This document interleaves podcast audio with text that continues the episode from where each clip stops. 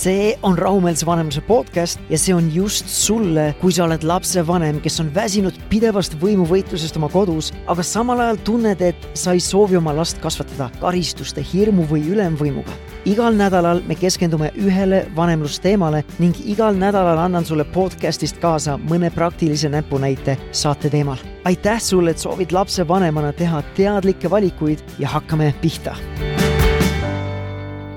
me rääkisime natukene sarnastest teemadest juba ka podcastist number null null üks, kus ma arutlesin selle üle, kas rahumeelne vanemlus tähendab piiride puudumist. ja tänases podcastis ma tahaksin sarnasele teemale läheneda natukene teise nurga alt nimelt nagu podcastis number üks sinuga jagasin, siis sageli omistatakse rahumeelsele vanemlusele piiride ja reeglite puudumist, kus lapsed teevad, mida tahavad, millal ja kuidas tahavad ja nagu selles varasemas podcastis sinuga jagasin, siis see päris nii ei ole ja kui sul on see varasem podcast kuulamata, siis kindlasti kuula see läbi. see oli podcast number null null üks ja selle pealkiri on Kas rahumeelne vanemlus tähendab piiride puudumist?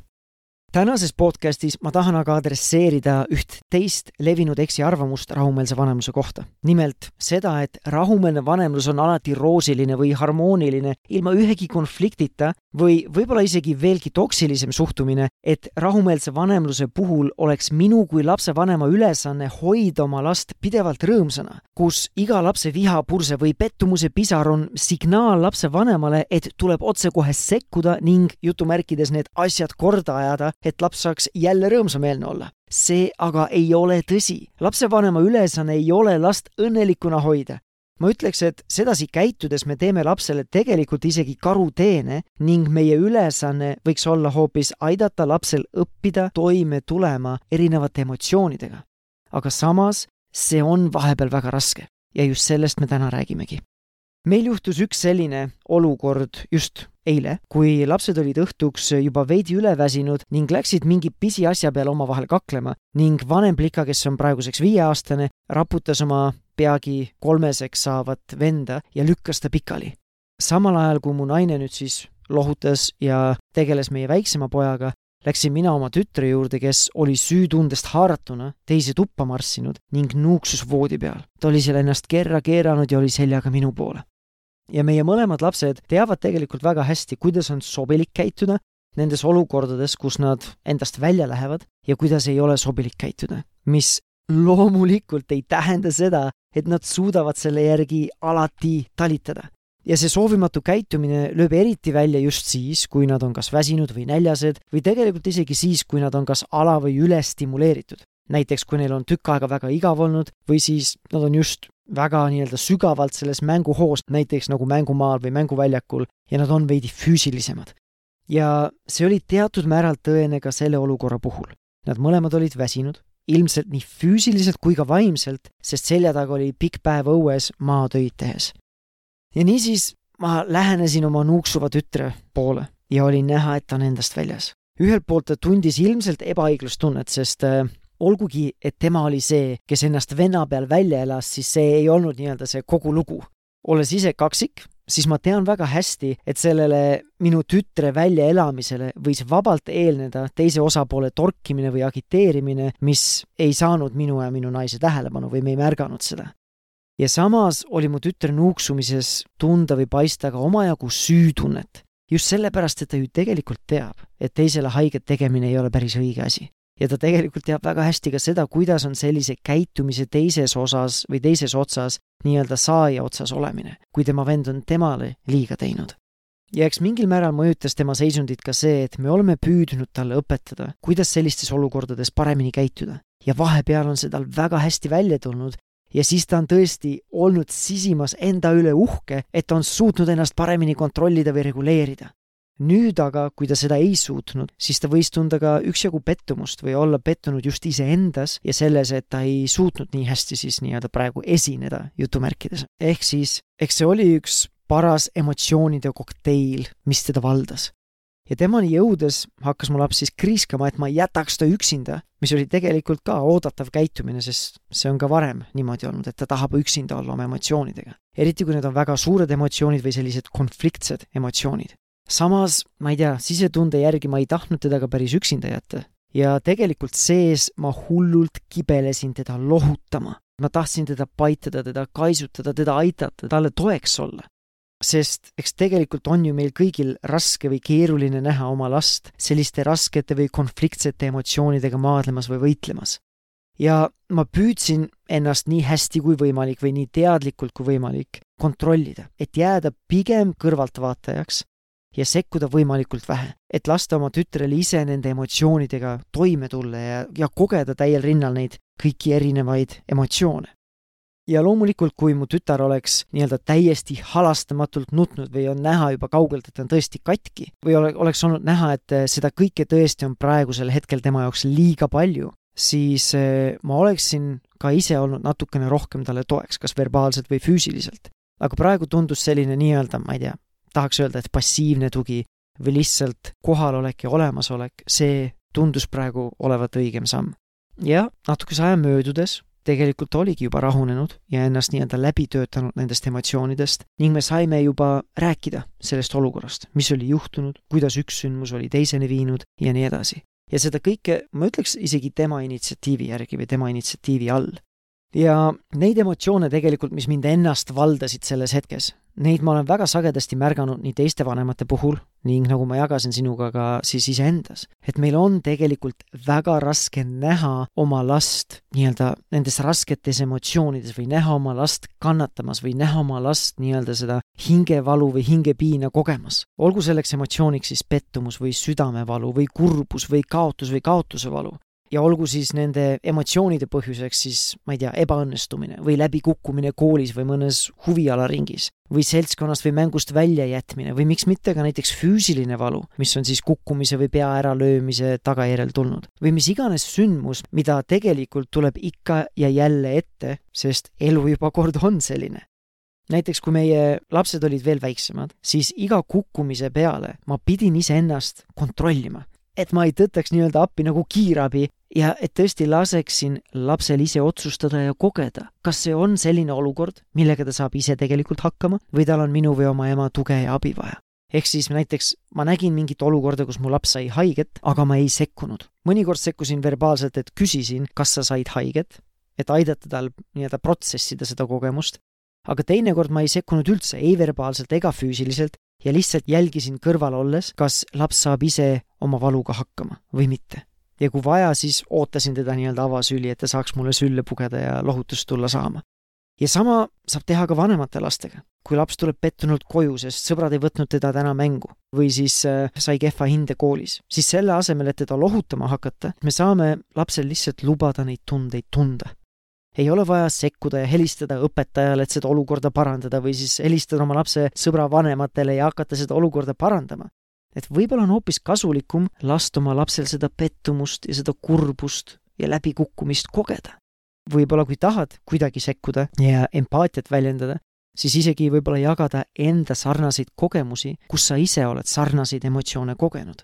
ja sama kehtib ka teismeliste puhul, kui keegi näiteks on nende südame murdnud ja olgugi, et seda on lapsevanemana raske taluda, et on tõesti raske näha või kogeda oma last, ma ei tea, vaevlemas või näha oma last nendes raskustes või neid raskeid emotsioone tundmas, siis me ei peaks alati appi tõttama või lohutama tõttama, vähemalt mitte siis nii-öelda esimese hooga.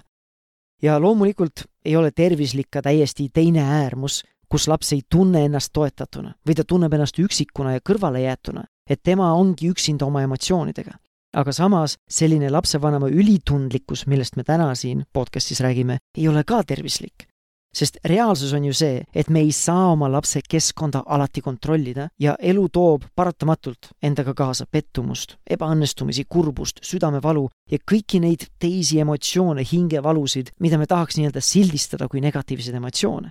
ehk siis palju parem oleks võib-olla lasta oma lapsel turvalises, toetatud keskkonnas õppida nende emotsioonidega toime tulema ja aidata lapsel tõesti neid emotsioone kogeda. et ka laps tegelikult õpiks ja kogeks, et temalgi puudub võimekus oma keskkonda ja neid juhtumusi või sündmusi alati kontrollida, aga tal on alati võimalus ja võimekus kontrollida enda emotsionaalset reaktsiooni nendele sündmustele.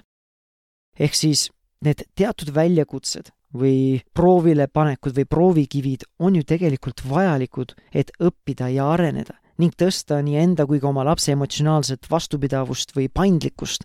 ja ma ei oska eesti keeles paremini kirjeldada, aga inglise keeles on selleks väga hea väljend, emotional resiliency mis minu jaoks tähendabki emotsionaalset sellist vastupidavust või paindlikkust või võimekust taastuda nendest suurtest ja negatiivsetest emotsioonidest ja nendest seisunditest. Ja kogu selle tänase teemaga meenub mulle üks lugu, mida ma kuulsin paarkümmend aastat tagasi, mis rääkis ühest mehest, kes leidis liblika kookoni ja ta otsustas selle kookoni tuppa viia või tuppa tuua ja kodus ta märkas, et sellest kookonist hakkas kooruma liblikas ja siis sellest olukorrast, protsessist paelutuna, siis ta jälgis pingsalt pika aja vältel kogu seda protsessi. Ja mingil hetkel paistis sellele mehele, et see liblikas on oma kookonisse kinni jäänud selliselt, et osa keha on juba kookonist väljas, aga osa on ikka veel kookonis sees. ja see tundus, et see liblikas on omadega jännis ja omadega kinni. ja mees otsustas aidata seda liblikat ja väikeste kääridega lõikas selle ava suuremaks, et aidata liblikal kergemini sellest kookonist välja pääseda või välja tulla. Paraku selle tulemusena, kui see liblikas oli nüüd koorunud, oli tema keha deformeerunud ning ta ei suutnud lennata. ja selle taustal siis, mida see mees ei olnud mõistnud, oli see, et liblikal oli vaja ennast tõesti pressida ja suruda suure vaevaga sellest väiksest august välja, et kõik kehaosad saaksid oma nii-öelda kohale paika loksuda või minna ja heast tahtes aidata seda liblikat, ta tegi tegelikult sellele liblikale karuteene. Ja ma ei tea, kas bioloogiliselt on see lugu korrektne või mitte, aga see iseloomustab väga hästi seda tänast teemat. et vahepeal meil on kõigil vaja läbi minna nendest raskustest, nendest väljakutsetest, nendest proovikividest, et läbi nende ise siis tugevamaks saada või siis tõesti nii-öelda oma täispotentsiaal saavutada.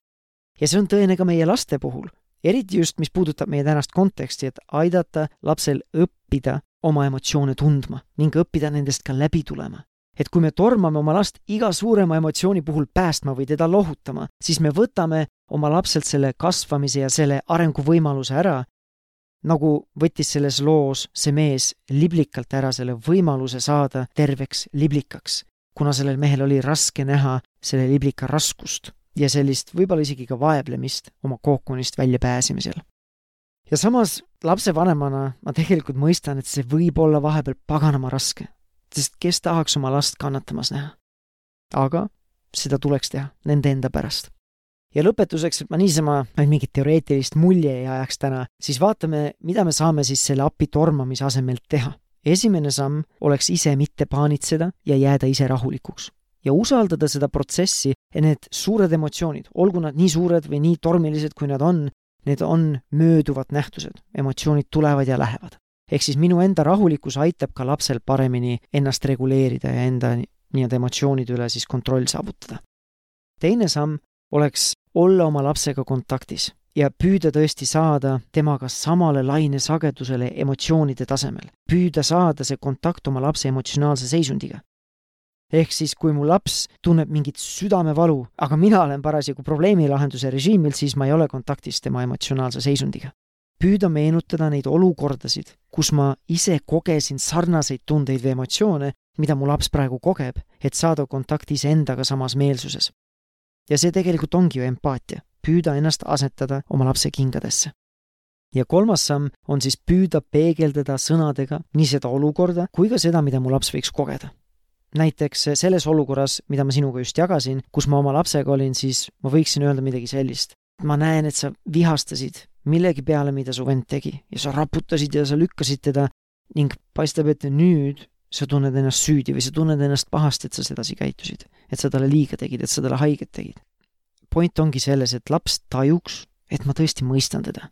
ja päris sagedasti paarist-kolmest lausest piisab. ja alles siis tuleb see viimane neljas samm, kus me saame ühiselt hakata seda probleemi lahkama, sellest rääkima, ühiselt potentsiaalseid lahendusi otsima või siis oma pere reegleid ja piire meelde tuletada ja nii edasi. aga see on tavaliselt see samm, kuhu me tahame esimesena tormata. hakata olukorda parandama, hakata reegleid ja piire meelde tuletama ja nii edasi. ehk siis kogu selle tänase podcasti kokkuvõtteks, meie ülesanne lapsevanematena ei ole oma last igast negatiivsest emotsioonist päästa, vaid aidata oma lapsel kogeda neid emotsioone täiel rinnal ning aidata oma lapsel õppida, kuidas nende emotsioonidega toime tulla. vastasel juhul me võimegi leida ennast olukorrast, kus meil on lõpuks hilisteismeline, kes iga pisema ebaõnnestumise tagajärjel nii-öelda lendab õhku ega suuda ennast reguleerida. näiteks kui mu väike laps kukub, siis pole vaja talle kohe appi tormata otse kui kiirabi, vaid jälgida teda kõrvalt. Millise tähenduse mu laps ise sellele juhtunule annab?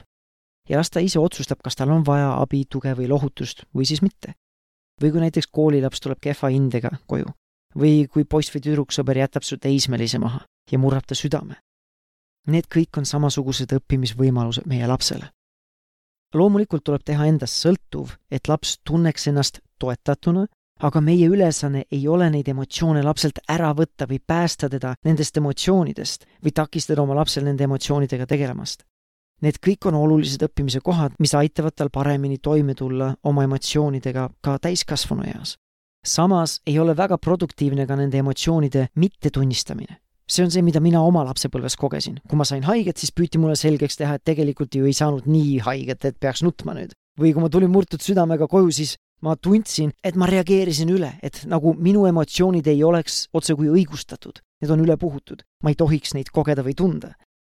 ehk siis me peame leidma lapsevanematena sellise balansi, mida alati ei ole kerge teha, aga peame leidma sellise balansi, kus me oleme lapse jaoks küll olemas ja toeks, aga me ei puhu seda olukorda ise suuremaks, ehk siis me ei lähe ise paanikasse, aga samas me ei vähenda seda ja me ei võta lapselt ära võimalust nende emotsioonidega ise toime tulla ja ise neid kogeda. ja võiks siis sekkuda täpselt nii palju, et laps saaks oma võimete piiril ise õppida ja areneda ja kogeda neid asju aga samas, kus see piir läheb, et laps saaks oma võimete piiril areneda ja õppida? see on juba selline, ma ei tea, ütleks miljon euro küsimus. ja samas see on selline tunnetamise küsimus ja sisetunde küsimus, mis tuleb aja ja kogemusega. Ehk siis me peame ise ka õppima sellistes olukordades ise toime tulema. sellised mõtted siis tänasest podcastist. mul on tegelikult päris huvitav, mis mõtted sul tänase podcastiga tulid või selle teemaga? ja oleks super, kui sa tõesti viitsiksid jagada oma mõtteid, mis sul pähe tulid või mis sul üles kerkisid. siis tean mina ka, kas ja millised teemad sulle üldse korda lähevad ja millistest podcast idest on sulle kasu ja millistest mitte. Ja sa saad seda teha iga podcasti kohta vastavas postituses minu Facebooki lehel, at vanemlusmentor Facebookis, või siis eh, meie Facebooki grupis Positiivne ja rahumeelne vanemus. aga selleks korraks aitäh kuulamast, järgmise korrani ja tšau!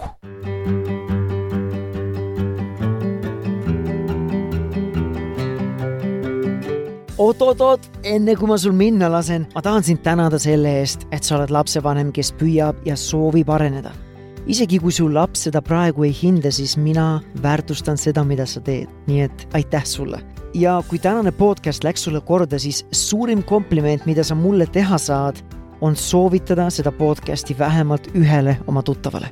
tänutäheks ma tahan sinuga jagada ühte oma lemmikraamatu kokkuvõtet nagu sina ja mina teame, pereelu on vahepeal nii kiire, et ei jõua kõiki neid häid raamatuid kaanest kaaneni lugeda. Ja just sellepärast ma olen kokku pannud ühe enda arust parima vanemlusraamatu Lapse ajukeskne kasvatus lühikokkuvõtte ja ma tahan seda sinuga jagada. sa leiad selle lühikokkuvõtte veebist taneljappinen.com kaldkriips kingitus ja lõpetuseks ma tahan sulle meelde tuletada, et me keegi ei ole täiuslik lapsevanem ja see polegi oluline täiuslikkus ei tohiks kunagi olla mõõdupuu või isegi eesmärk. Oluline on, et sa liiguksid samm-sammult paremuse ja rahumeelsuse poole. nii et edu sulle sellel teekonnal ja järgmise korrani, tšau!